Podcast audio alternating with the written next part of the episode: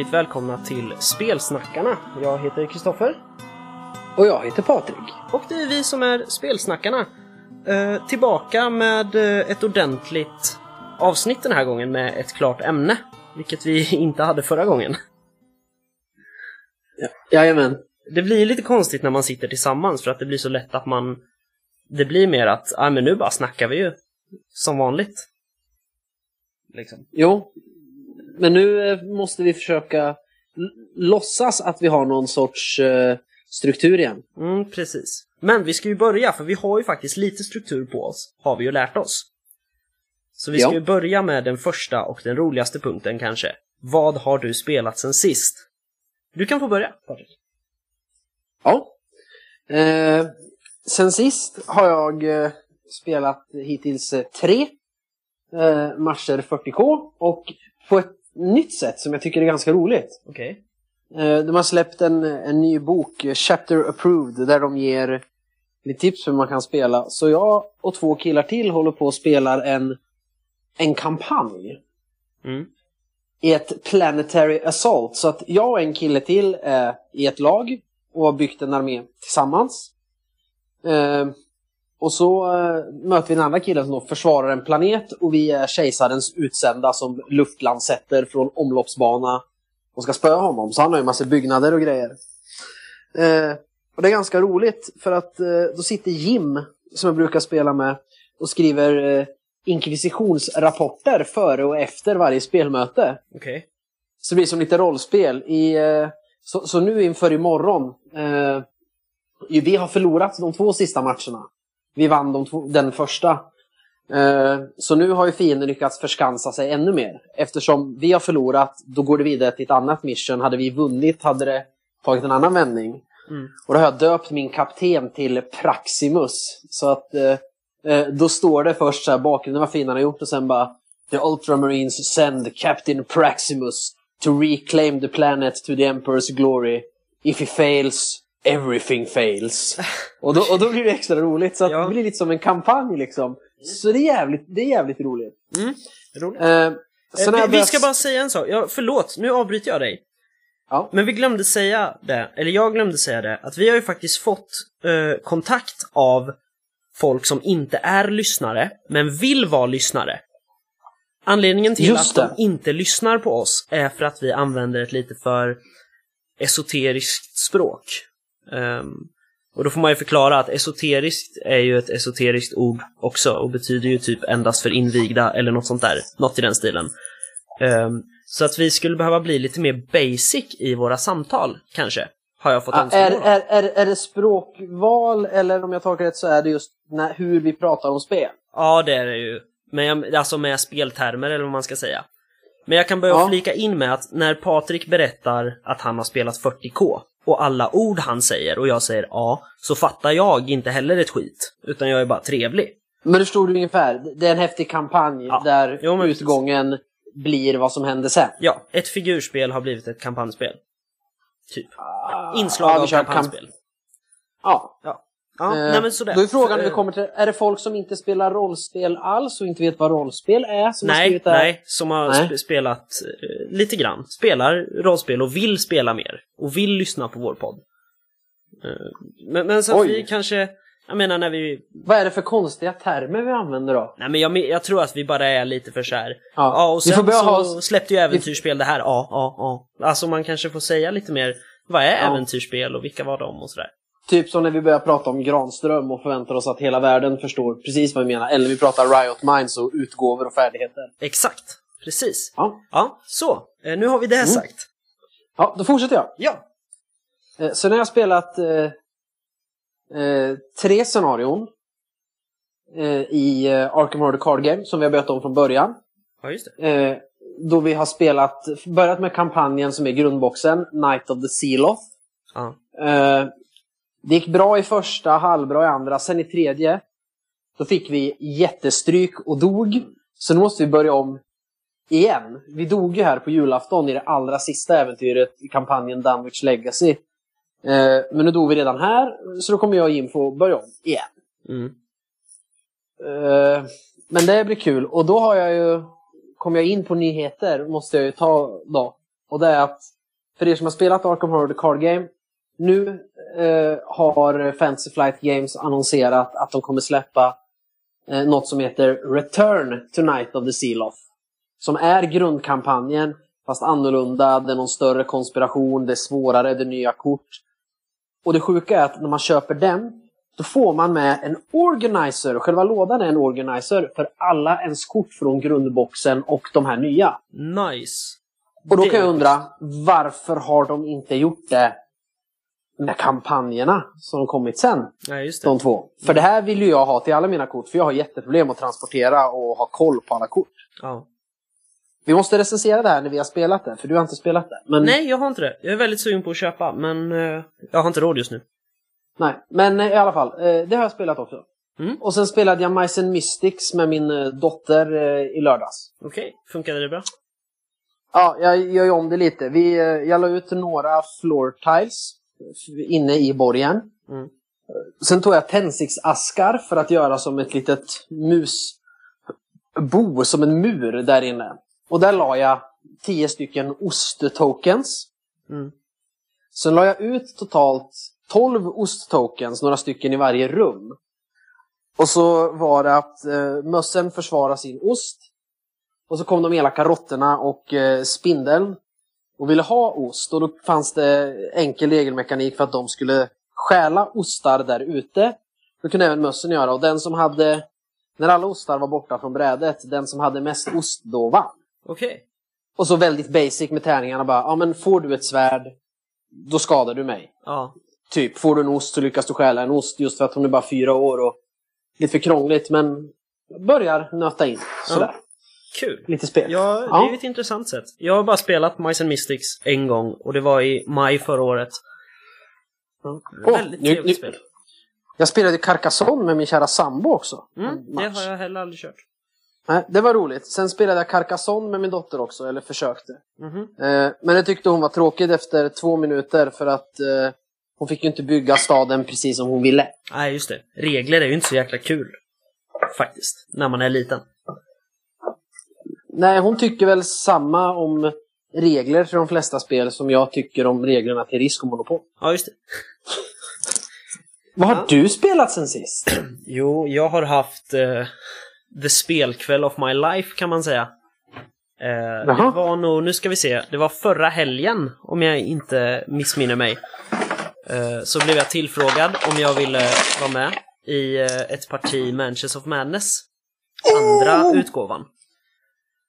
Eh, så det var, vår, vårterminen hade inte börjat men vi satt, eh, vi var nog fem stycken måste vi ha varit. Eh, som satt i ett rum på universitetet. Vi började klockan två och var färdiga kvart över ett på morgonen. Det kan ta himla lång tid vissa scenarion. Ja, vi spelade tre scenarion. Mansions of Madness är ju då alltså brädspel, kampanjspel, eh, grundat på eh, Lovecrafts Cthulhu-mythos. Ja, kampanj och kampanj, men... Alltså det var ju, det är ju schysst story i det. Jag skulle säga att Jo. Ja, eller alltså, ja men vad ska Kampanj man säga då? är ju när Tydliga storiesarna äventyr. hänger ihop Ja, men tydliga äventyr då, i alla fall, skulle Ja. man ju säga. Det är ju inte som Monopol, det har ju en tydlig handling. Ja. Eh, så vi började stadigt med, med eh, scenariot Dark Reflections. Eh, man är helt enkelt investigators som eh, hamnar någonstans och så ska man eh, investigata och lösa ett problem. Mm, kan man säga. Kort sagt, finns ju tusen regler också, men de behöver man inte gå in på. Vi spelade också scenariot Ill-Fated Exhibit, vilket också var väldigt, väldigt roligt. En hemsk, läskig museiutställning där ett föremål börjar döda folk. Eh, och så avslutade vi med scenariot Dearly Departed. Zombies och eh, grejer. Eh, Dearly Departed, då var jag mest trött tror jag. Då var klockan typ 12. på natten. ja äh, då var jag kan- bara det- trött och ville bara gå hem. Så att jag, det, men första Dark Reflections, när det är, eh, man kommer till ett hus med speglar överallt, utan att spoila för mycket. Eh, och det var skitläskigt, vi satt på nålar allihop. men det första du spelade där, Ja. Eh, är det där med han eh, gubben och stjärnor? Och där. Nej, det var nog inget sånt. Eh, Da- Dark Reflections, då hamnar man i ett hus, det är en författare som, som bor där och hon har försvunnit. Ja, just det. Just det. Eh, och så hänger det speglar överallt i huset. Just det. Eh, och sen börjar det dyka upp lappar med meddelanden från någon konstig Mm. Sen har jag tyvärr inte hunnit spela något mer, vad jag vet. Inte vad jag minns i alla fall. Jag var, Det- det inne, jag var inne på seriebörsen här nere i spelbutiken eh, och då körde de någon Magic-grej men jag, de byter så ofta så att jag orkar aldrig vara med på det kortspelet. Jag köpte ett eh, Lovecraft-magasin istället och så gick jag hem. Jag har funderat på om man ska, men det, det är så svårt att bara spela Magic ibland idag för att det är kul. Mm, När, när, jag, när jag började spela Magic, när jag började spela Magic, jag var typ 14-15 år, så spelade jag i 2-3 år. Mm. Då hade inte folk internet på sina telefoner, för det fanns inte. Eh, folk, hade, folk hade börjat leasa datorer med internet från eh, Metall, typ. Mm. Eh, och sådär. Och eh, det gjorde att då kunde man vara med och drafta ibland. Just Och så liksom bara, ja ah, kolla jag fick... Oj, det, det var ganska mycket blåa kort här. Jag sparar på blåa kort och bygger en lek. Mm. Medan idag så sitter ju folk liksom innan, pluggar in vartenda jädra kort. De vet exakt hur man ska bygga en lek och, och kan korten utan till. Och därför har jag inte tagit upp det, även om det händer ganska mycket Magic här uppe. Är mycket event och så. Ja. Så jag bara, det är inte värt det. För att man måste ha sån jädra koll. Ja men så är det ju här också. Alltså jag, jag var lite sugen ett tag när jag flyttade hit. Jag bor ju Mm. fem minuter från Spelaffären, seriebörsen. Eh, och de har ju varje onsdag, är det ju Magic. Mm. Och så typ varannan fredag. Men det är ju så här. jag kan ju inte, jag kan ju omöjligt hänga med i deras spel. Äh, Det, det beror lite på vad det, vad det är för format. Det, är ett, det finns ju massor format nu. När jag spelade för då fanns det två format. Typ 1 och typ 2. Ja. Eh, nu finns det jättemånga. Ja. Men, men ett av dem som jag tror jag såg eh, på företagets hemsida. Det var något att typ du köper tre boosters. Alltså Av extra, extra kort. Ja, du köper tre paket. Jag Mm. kommer inte ihåg hur många kort det är, om det är 10 eller 15 kort i varje.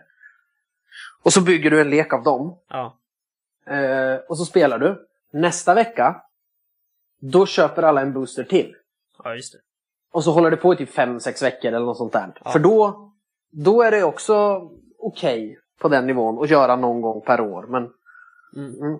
men vi, vi, vi förklarade faktiskt aldrig Manchester Madness ordentligt. Nej men jag sa, vi- det, det, det är Lovecraft-brädspel. Man är en investigator och så går man runt och investigerar. Och så ska man lösa det. Och så har man en, en klocka som räknar ner eh, med när, när det är, vad ska man säga, mythoset, alltså själva demonen typ, eh, som är inblandad, som får handla. Jo, men Det det missar ju the essentials va. Man, man har stora floor tiles som man Ja. lägger ut och bygger eh, det här husen eller staden man är i under tiden. Där faktiskt ganska välgjorda miniatyrer både på monster och investigators. Jag kommer inte ihåg men det måste vara 30-40 figurer i grundlådan. Ja, det, han som hade spelet som vi körde med, han hade ju två expansioner också, så han hade figurer överallt. Ja, jag har bara grundspelet och det får nu när man har packat upp och byggt satt eh, gubbarna på baser och packat upp alla tokens så, där, så får det precis plats i lådan. Ja. Eh, jag har satt på alla mina på snygga små genomskinliga baser nu så de inte skymmer spelbrädet. Ja, just det. Och sen är det ju Fancy Flight så det finns ju skitmycket tokens och små kort som är i vägen överallt. Så att Ja. det, tar ju upp, det tar upp fan mer plats än talisman nästan. När man spelar. Och det bästa är ju att Second Edition har ju en app. Ja, det tyckte jag var väldigt roligt när, när vi typ, ja men vi eh, vi försöker pussla ihop de här pappersbitarna som vi har hittat här. Och så Ja. säger eh, Julius som sitter med datorn bara, ja då får ni komma hit, nu är det puzzle time. Och så har det kommit upp ett pussel med en massa pappersbitar på och så ska man para ihop dem. Så har man typ Jaha, satt bara han och tittade på datorn? Nej, alltså han hade den liksom. Och sen när det var dags så kom vi runt. Jaha, äh, för jag, jag brukar ställa, jag tar en 32-tums TV på bordet Ja. och eh, kopplar in och så kör jag just för det är ju musiken, och all stämningstext och vad som händer när du gör. Jo men den Ja, läste en horror-check den läste monster. han för oss liksom. Jag tyckte Men, det okej. funkar jättebra. Men jag har haft den just för stämningsmusiken där så att alla ser den och så bara Så att alla ser hela tiden skärmen och vad som händer. Ja, alltså stämningsmusiken kom. Så gör jag. Vi hade ju kopplat in Jo. högtalare. Så att vi Jo, hade ju ja, men, jag, jag brukar, ja, men det var intressant för jag brukar köra så alla ser. Mm. Alltså Och- jag trivdes ju för att jag hamnade i den här den här uh, hierarkin liksom spelare, spelledare ungefär. Eftersom Jo, jag men det finns ju ingen spelledare, Nej, men eftersom jag aldrig har spelat Mansions of Madness så tyckte Nej. jag det var så skönt att det sitter någon som läser upp alla de här grejerna. Liksom, Ja. Och förklarar vad jag ska göra när jag ska göra det. Men det är det jag gillar. Du har aldrig spelat First Edition va? Nej. Och för er som inte gjort det, First Edition, det var ju likadant spel, typ. Men eh, då var det en som var tvungen att vara keeper och spela mot spelarna. Eh, Det är ju co-op. Manchester Madness. Ja. Och keepern var ju tvungen att läsa på scenariot, placera ut alla ledtrådar och veta vad som hände om man gjorde X och om man gick till Y. ja. Det behövs inte här. Gör man ett misstag här så är det inte det, utan appen säger åt dig nu ska du lägga ut den här floor-tilen när du öppnar den här dörren och kommer in i det här rummet. Nu kom det här monstret, slåss mot det. Och, och alla regler och, och sådär. Och det, jag gillar det, det är precis så att appen inte tar över och gör det till ett dataspel utan det är fortfarande ett brädspel. Mm. Och sen det skönaste med appen är, jag spelar ju mycket själv. Eftersom mitt hem inte tycker om att spela spel.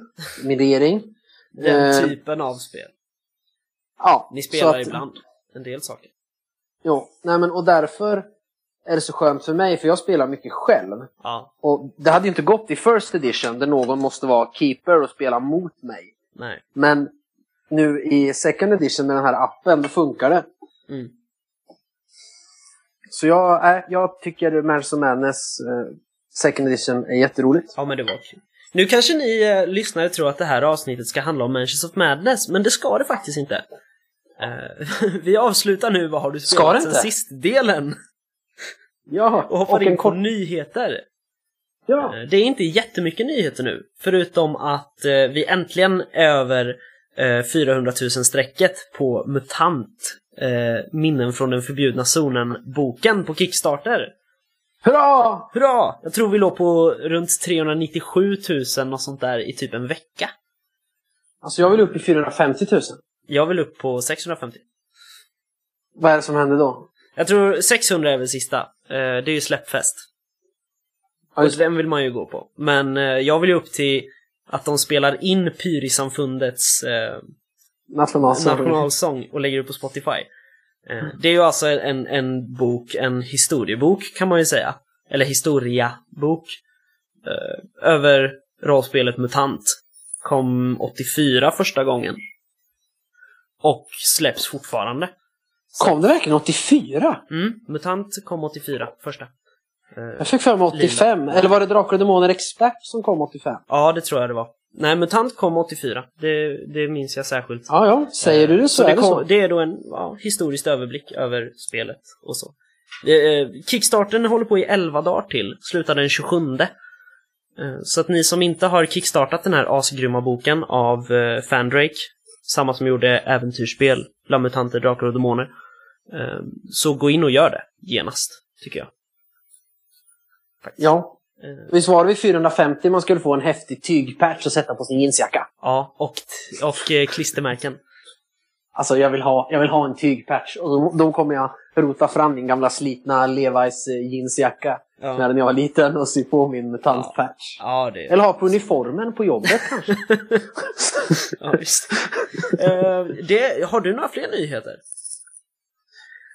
Eh, Vi, har, Nej. vi har ju en, men vi vågar inte berätta den riktigt. Eh, jo, alltså du har ju en asbra nyhet ju. ja, men jag menade den andra Kickstarter-nyheten. Ja, nej skit i den. Men en annan bra nyhet. Ja, Det är det hästjobb du faktiskt har lagt ner sista två veckorna här. ja, alltså, det, menar du nyheten som jag, jag förmedlade till dig? Också? Ja, dels den, men är ju hur mycket du har jobbat egentligen. också. Ja, jag har jobbat Nej. väldigt mycket på vårt rollspel, Den mörka regimen. Eh, jag fick ju någon knäpp någon kväll och bara nu jävlar, nu orkar inte jag mer, nu ska jag skriva färdigt. Och jag tror jag Och så skrev... gjorde du typ det. Ja, men jag tror jag skrev typ så här 8-9 sidor eller något. Och det är ganska mycket när det är liksom regelmekanik och sånt vi snackar om. Ehm, så att ja, vi, vi börjar närma oss faktiskt. Mm. Eh, varför vi eh, har beslutat nu att eh, ett betatest ska köras på spelkonventet Lincoln i år. Vi är, de har inte officiellt öppnat en anmälan, så att vi är inte officiellt anmälda. Men jag har mejlat dem och sagt vi tänker komma och betatesta och vi ska ha ett rum som arrangörer. Eller jag frågade väl snällare, nu låter jag ju Ja. som att jag är ashäftig här, men jag frågade Och snällt. skulle, ja. De ja, sa att det lät du kul har, och fråg, intressant. du, har frå, du har frågat snällt, fortsätt vara snäll. Ja. Och skulle det bli att man inte får arrangera så, då får man smita in med folket i indierummet eller något och sätta sig i ett hörn och så bara "Åh, Kom, jag har ett häftigt spel! ja, men precis. eller något. Men det är ju tänkt att få ett betatest och faktiskt en presentation också. I någon mån. Mm. Eh, så att det, ja, det händer grejer som fan nu faktiskt. Ja, det är ju kul. Jag har ju funderat mycket när man ska börja försöka lansera det här sen. Mm. Och det är just det här med bilder, att lägga ut pengar och så på illustratörer för att det som säljer, det ser man ju om, inte minst med, med Riot Minds men många andra också. Jag är ju sån. Jag tittar ju med ögonen. Om, det, om jag skulle gått in på massa Kickstarters och inte sett en enda bild. Ja, nej, men så är det ju. De har ingen aning om stämningen om det inte är ett spel man känner till. Skulle någon säga liksom, ja, ah, nu kommer nya Call of Cthulhu. Okej, det behöver inte vara några bilder. Jag vet vad det handlar om. Ja. Men, men det här, så att, men vill jag lägga ut flera tusen på illustrationer för att visa upp vårt spel och så finns det inget intresse för spelet, eh, då sitter man där med massor snygga bilder som man kan titta på själv för flera tusen. Så att kan man få, men kan man få liksom feedback på settingen och så här av några stycken, kanske 20-30 pers på ett år, att ja, men det här verkar kul. Liksom. Mm. Då vet man att ja, men det är värt att lägga pengar på kanske köpa 5-10 bilder, ett omslag i färg, resten svartvitt, Ja. visa upp det och sen kickstarta eller se intresset. Och får man in mycket pengar eller intresset ökar om man nu trycker det direkt, då kan man ju använda pengarna till att köpa fler illustrationer. ja, men så är det. Eh, Så tänker jag. eh, På tal om att eh, vi tjänar pengar, eller inte tjänar pengar, och eh, nyheter. Eh, spelsnackarna finns nu på Patreon. Yay! Yay! Jo men vi vill ju ge er bra ljudkvalitet och sådär och eh, det är faktiskt inte gratis. Det är många som tror det, men eh, det är det inte. Så vi har startat en Patreon-sida. Jag tror att det är patreon.com spelsnackarne med e för att eh, med a var upptaget. Eh, eller bara eh, klicka er fram på Facebook. Vi har lagt ut den där. Eh, Ja, ja, jag var ju inne där ja, och tittade. Och eh, även om jag säger emot, för jag vill självklart ha era surt värvade pengar, så känner jag när man läser bara, hej, gör så vi kan göra våran podd och så typ får man ingenting för att vara Patreon-backare. Så jag bara, det här vet jag inte om jag hade betalt så mycket nej, för. man får vår eviga tacksamhet får man ju. Och bra kvalitet. Eh, Men men. Eh, Ska vi hoppa vidare? Ja, ämne. vi hade ju ett ämne faktiskt. Ja, och det är ju som sagt, det är ju två ämnen egentligen. Eh, eller ja, inte riktigt. Det är ju Mattias Fredriksson på Red Moon Roleplaying som det var ju han som requestade vår Svarta Solen special. Eh, Mm. Han har ju också requestat att vi ska ge oss på äventyrsspel. Helst ville han ju att vi ska kolla igenom de här lite mer okända modulerna, eller inte lika omsnackade. Mm. Ja, Svavelvinter och Svarta Madonnan har ju alla hört om. Ja, Döda precis. skogen har alla spelat. Eh, jag tror alla. Ma- Magillre föreslog han. Ja. Eh, Eh, och nu, Drakar eh, och Demoner-expert. Till de här människorna som ville lyssna men tycker vi är konstiga så gjorde jag sådär igen och bara det här har alla spelat. Ja, just det. eh, Förlåt. Men det har inte alla. Nej. Förlåt, ni har inte alla spelat det. Nej. Äventyrsspel är alltså företaget som gav ut alla bra rollspel eh, mellan 80 och 90-talet. I Sverige. Ja, gav ut nästan alla svenska rollspel. På. Ja. Ja, Vissa bra. var, inte, vissa var ju inte särskilt bra. Och nu lär jag bli dödad av en del. Men alltså MERP, Middle Earth Roleplaying. Fast på svenska då, Sagan om ringen och spelet. Det var inte ett bra spel Ja, tycker jag. ja, ja. Nu ska vi inte ge oss in på det. Det var bara det att vi, ämnet idag kommer behandla äventyrsspelprodukter. För att vi har också pratat om det innan, men signatur Jocke på rollspel.nu har också requestat att vi ska snacka kult. Och Var det det, inte han som också ville ha att vi skulle testa moduler till kund? jo, det var det han, han bad om. Kan ni inte kolla kultmoduler? Men han bad också om en slags översikt. Vad var kult egentligen? Varför var det så kontroversiellt? Och ja, men vad hände liksom? Vad är det för någonting? Eh, Så att vi blandar de här lite. Det är eh, en produkt utgiven av Äventyrsspel och det är en kultsak. Eh, Så vi ska snacka kult idag. Och sen är väl tanken att vi så småningom ska spela någon kultmodul också för att kunna prata om det. Absolut. Eh, Jag vet, Red Moon Roleplaying eh, podcasten, de spelar ju Kult, Svarta Madonnan.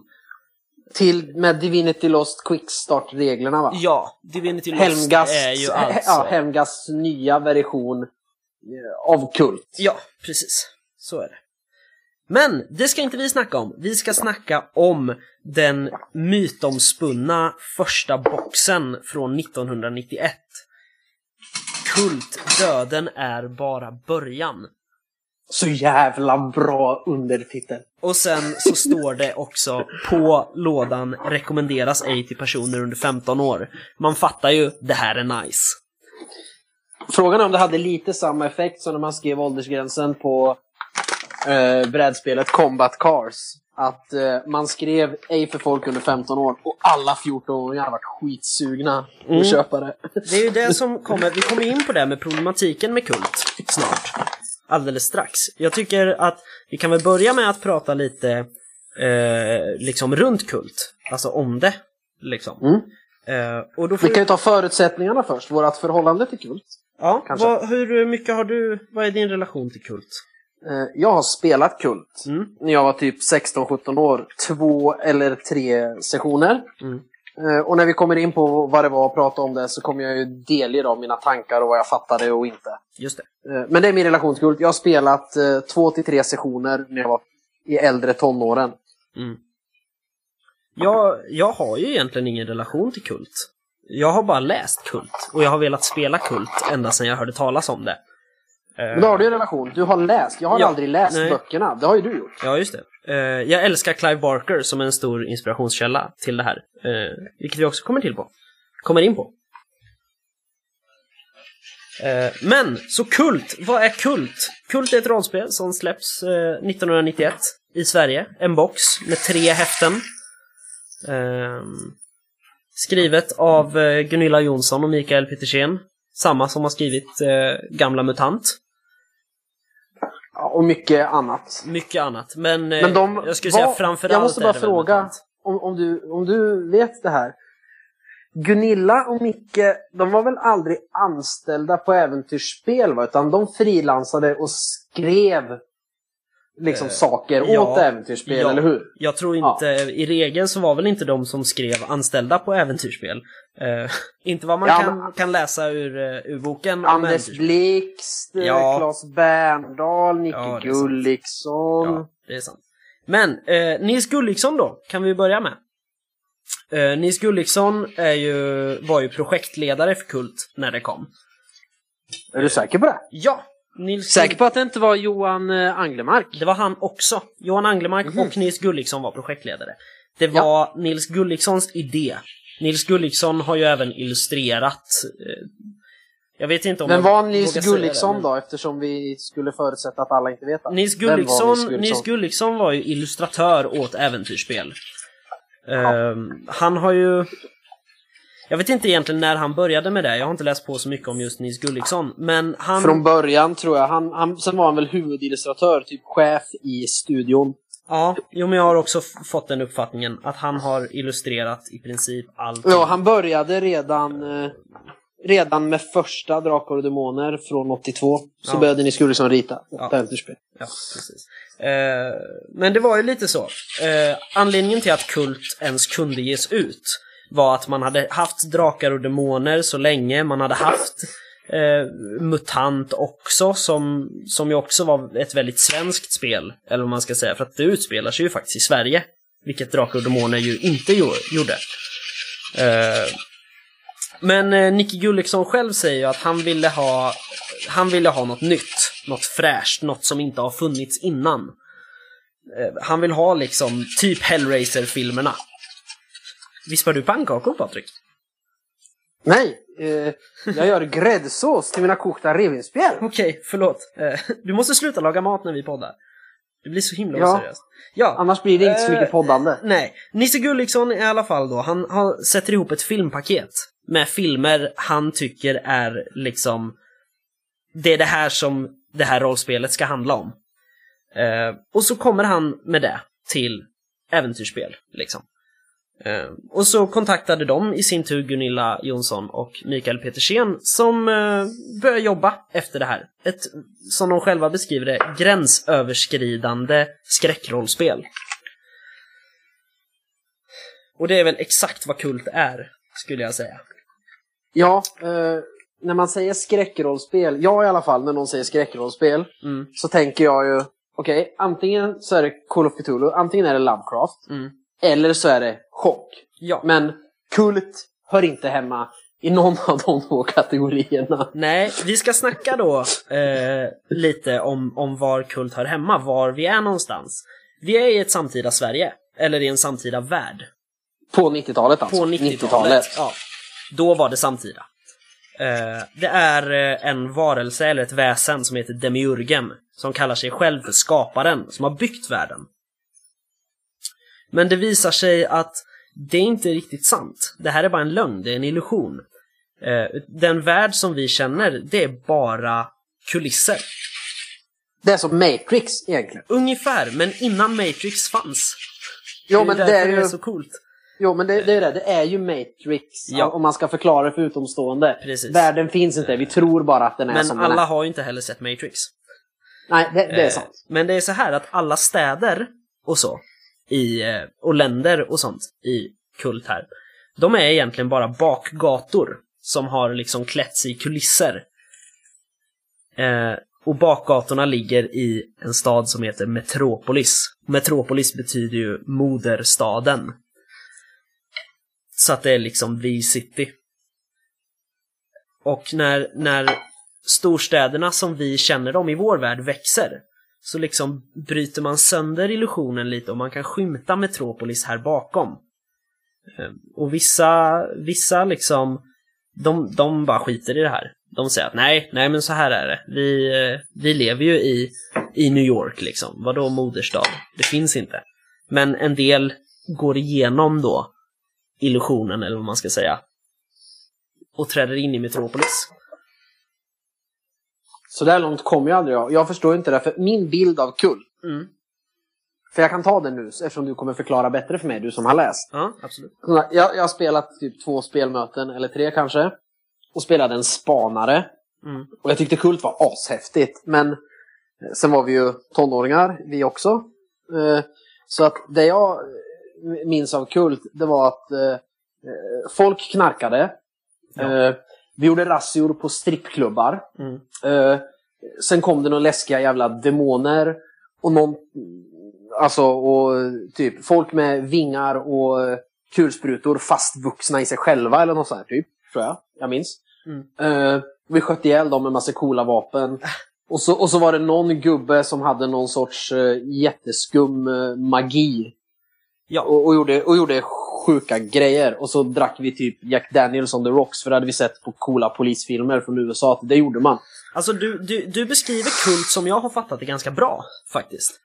eh, men om vi ska fortsätta lite i storyn, vi ska ta det där strax. Eh, Ja, men det är därför det är kul för mig att höra. För det Jo, här, men precis, ja, jag jag, har ju läst efteråt och så här om Demiurgen och eh, allt som hände och sen Men jag det har läst om det. Nej men ja, jag fattade ju aldrig att det fanns något djupare bakom. Därför har det varit så kul att spela det ja, men längre och komma till insikt och det här. För jag vet ju bara att vi gick runt, eh, eh, typ eh, hade sex, eh, gjorde ett tillslag, eh, drack sprit och knarkade. Eller stoppade folk som knarkade och tog deras knark. Det är typ Ja. det jag kommer ihåg. Ja. ja, men Demiurgen då som är skaparen. Eh, Metropolis är ju ett fängelse för människan som Demiurgen har skapat. Men han har försvunnit, Demiurgen. Eller den har försvunnit. Och i Inferno har eh, Demiurgens bror Astaroth vaknat och reser nu runt i hela vår värld för att leta efter sin bror. Eh, det finns eh, andra monster och väktare som heter arkonter och liktorer. Närmare bestämt 823 543 stycken. Det är våra fångvaktare. Och de slåss i Demiurgens gamla citadell om makten över kosmos och universum nu när Demiurgen är borta. Och det är någonstans där man börjar spela. Ah. Liksom. Så att skaparen är försvunnen. Eh, det ska ju givetvis vara egentligen tron på Gud, som jag vill se det.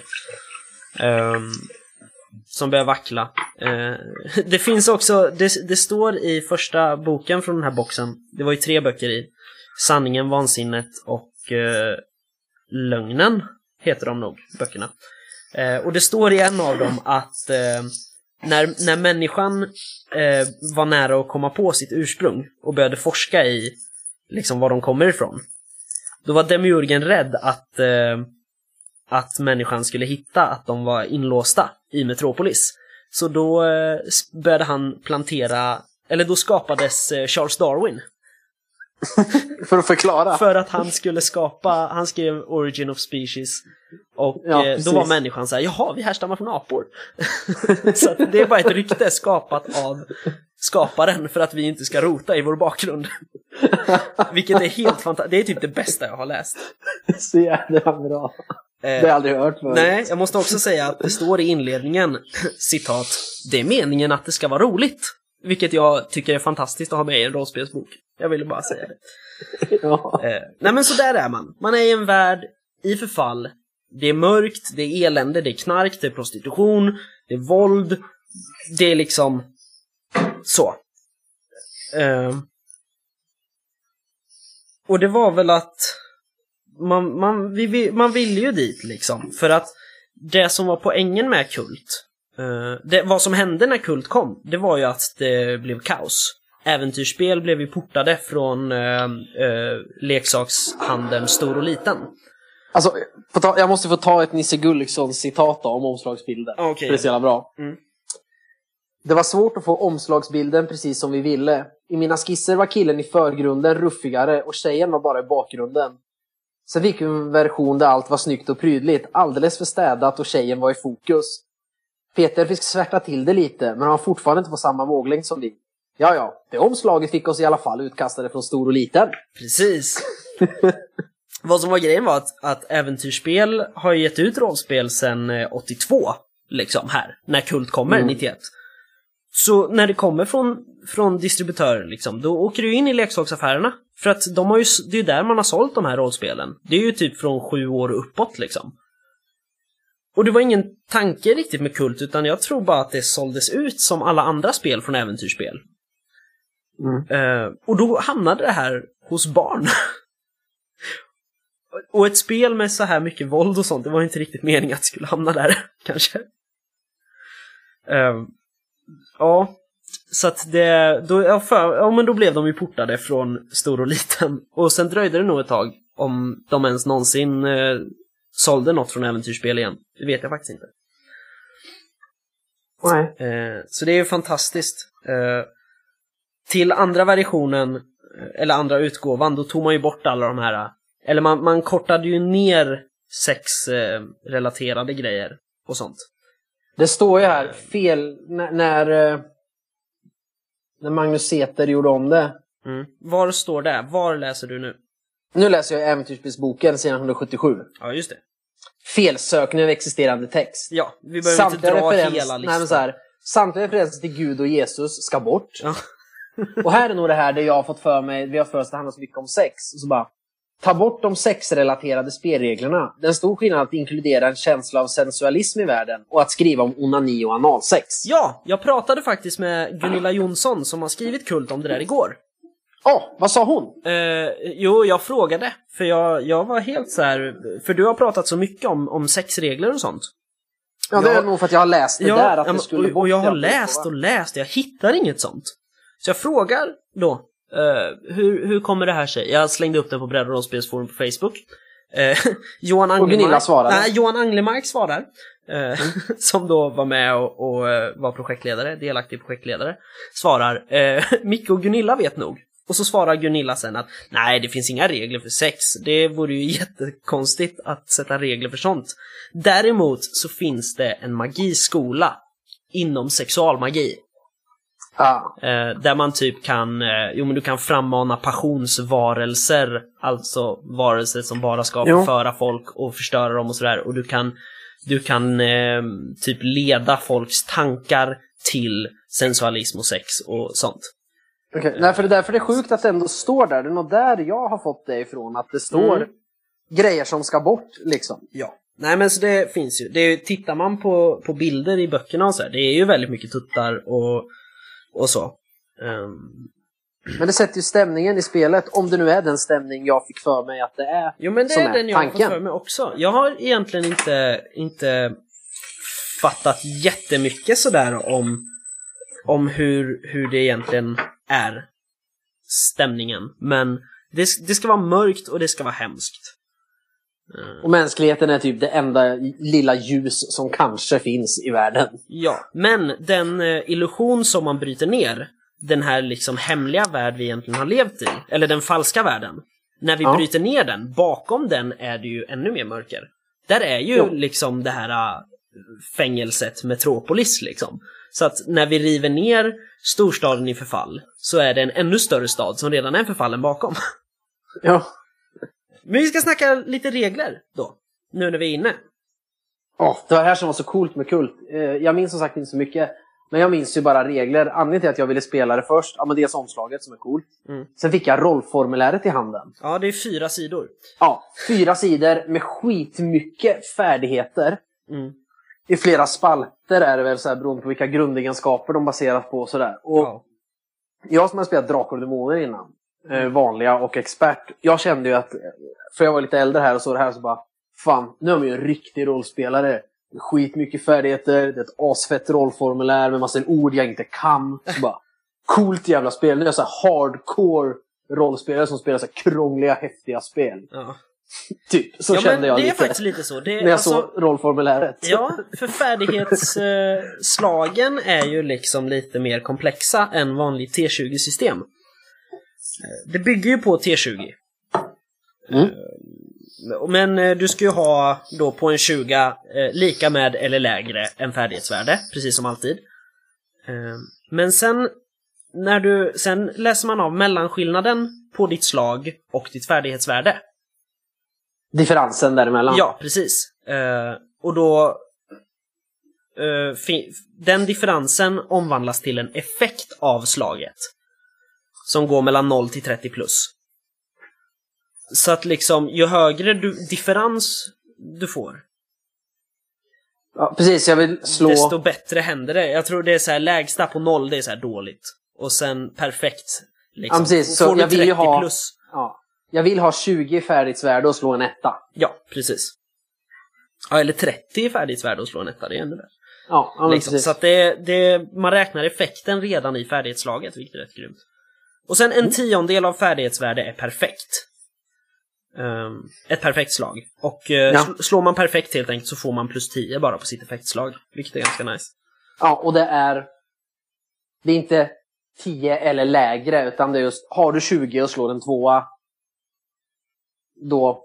Ja, alltså lägre, lägre också. Okej. Förstås. Mm.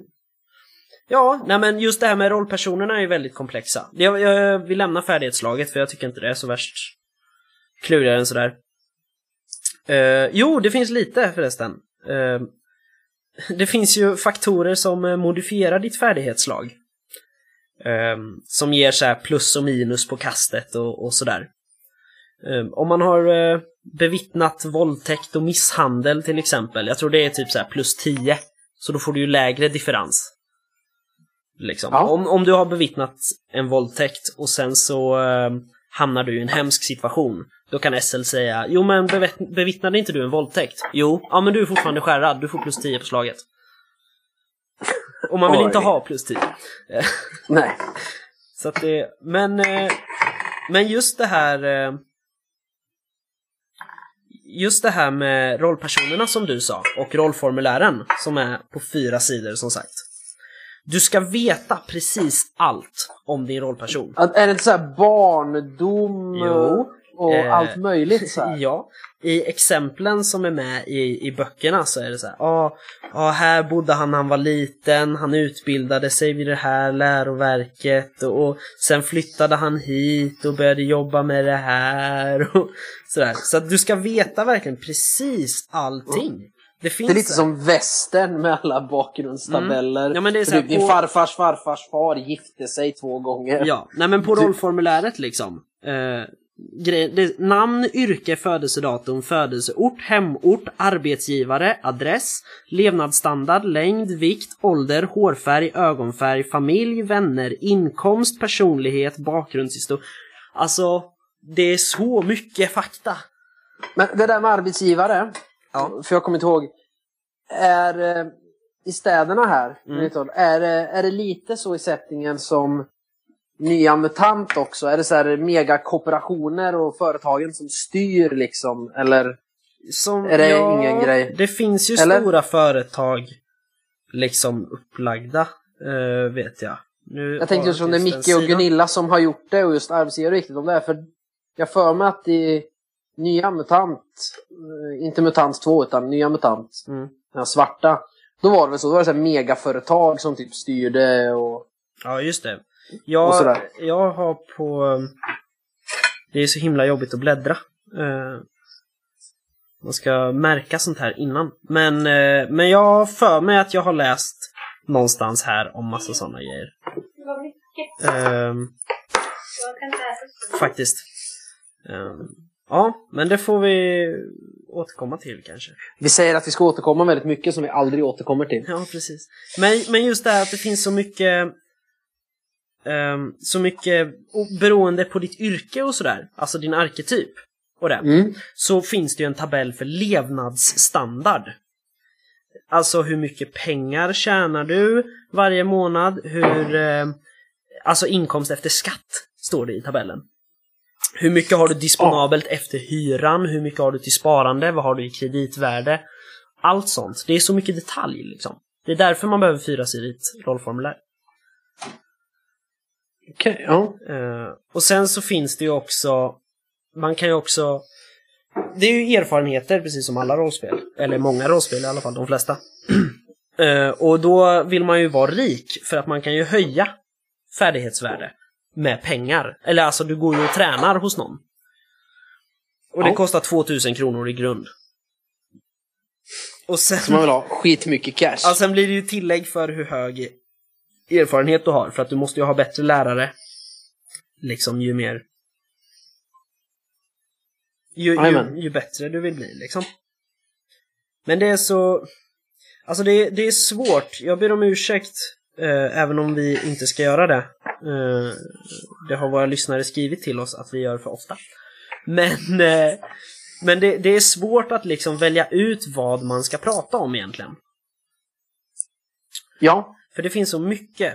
Eh, jag måste säga, ja, det fina med i det tycker jag är en grej, det är att man kan eh, spela som någonting som kallas för nattens barn. Det är alltså samlingsord eh, för, eh, ja men typ eh, demoner, alltså varulvar, vampyrer, typ sådana grejer. De bor i, eh, i tunnlarna under Metropolis, som leder till Inferno, som i sin tur leder till Elysium. Alltså det, så att det är liksom Heaven and Men Hell. vet mycket. de, vet de, Nattens barn, att de lever i Metropolis? Eller tror de att det är tunnlar under alla olika städer? Alltså de här tunnlarna som leder runt i Metropolis och till det som kallas för labyrinten, som är bara Mm. ett stort underjordiskt komplex fullt av hemska varelser. Det är ju i det som kallas lögnens illusion, eller illusionen, det är ju typ så här, avloppsledningar, kulvertar och sånt i den värld vi ser. Ja, så att varulvarna ser ändå liksom, de tror att de är i en eh, Ja, i vår värld. ned, nedlagd tunnelbana under New York. Ja, men precis. Ja. Eh, Så att det, ja, eh, det är riktigt coolt. Eh, men om vi, om vi ska... eh, om vi ska snacka mer i, i detaljrikedom i det här spelet.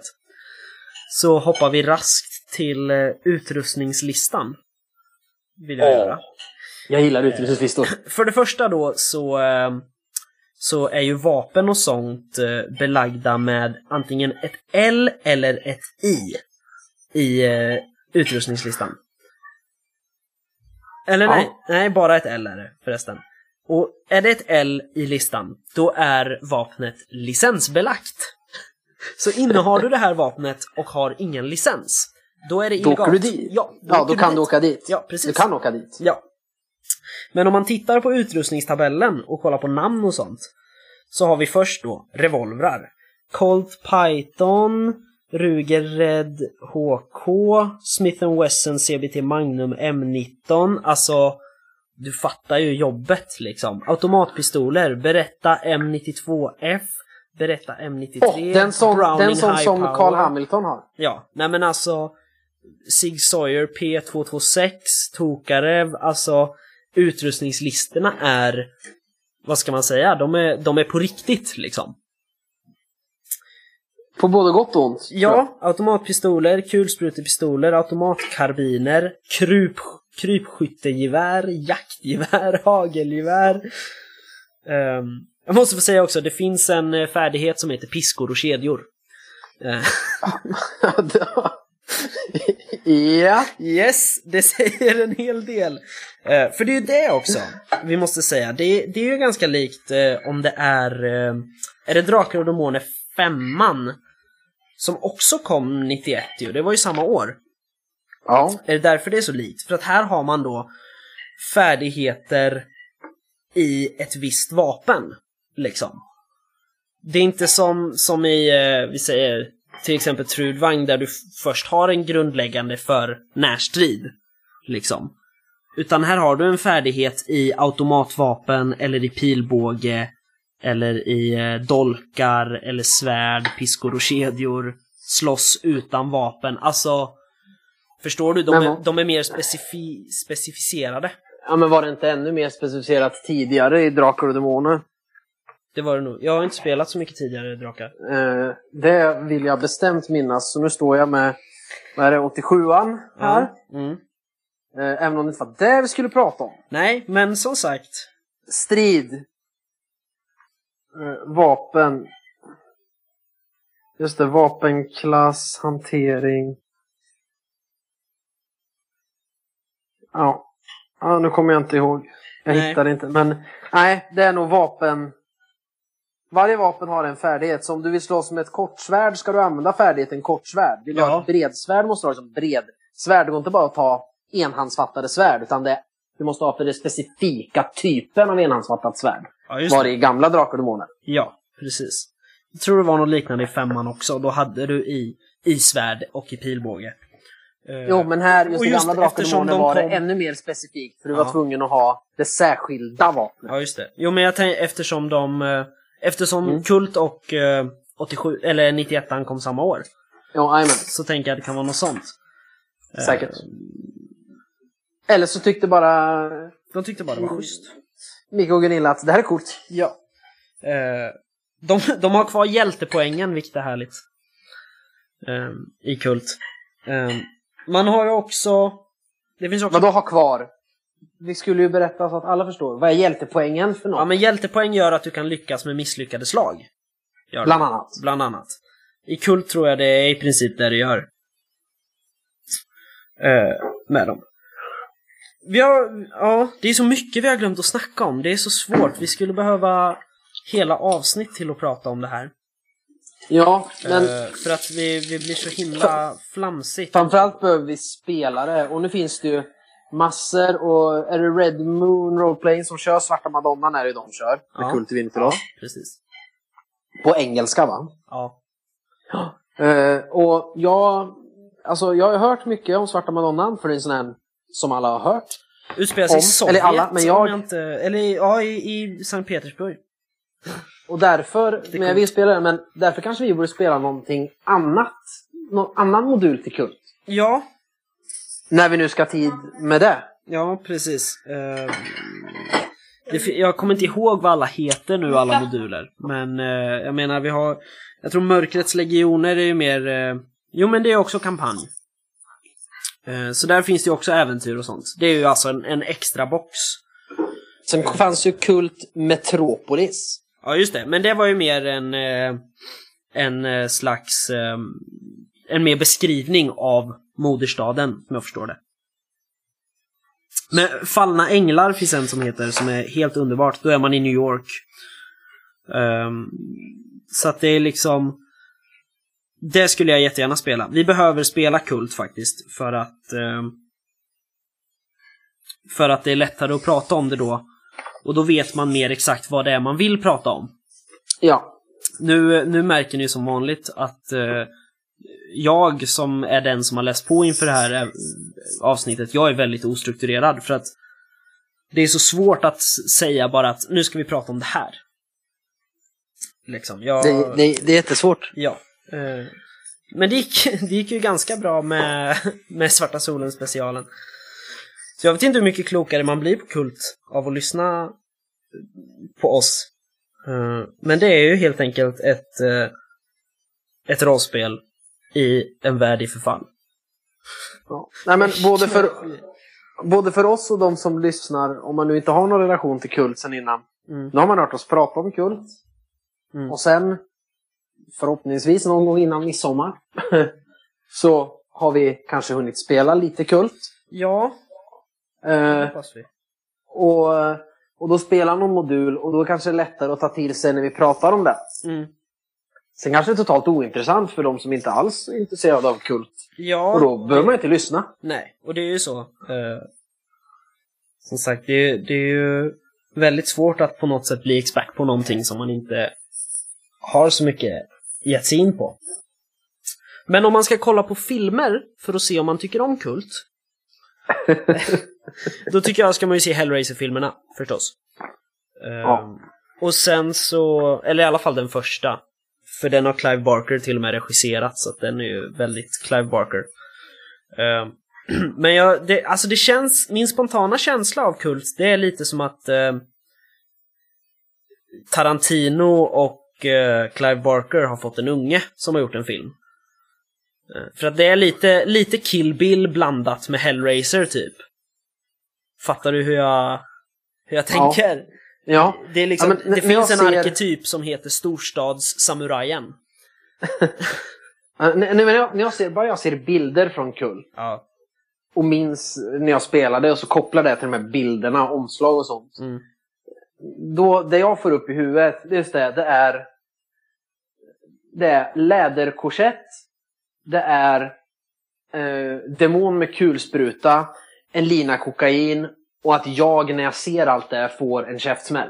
Typ. Ungefär. Alla intryck, det är bilderna som gör det. Alltså det bara flyger in grejer man associerar till saker som det uppenbarligen inte alls finns regler för. Jag har gått runt hela tiden och tänkt jättelänge så här, bara, det är klart det finns regler för eh, sexuella handlingar och eh, att alla ska knarka ihjäl sig och allt möjligt. Nej, det är bara min hjärna som tror det av det Nästan. bildspråk man får.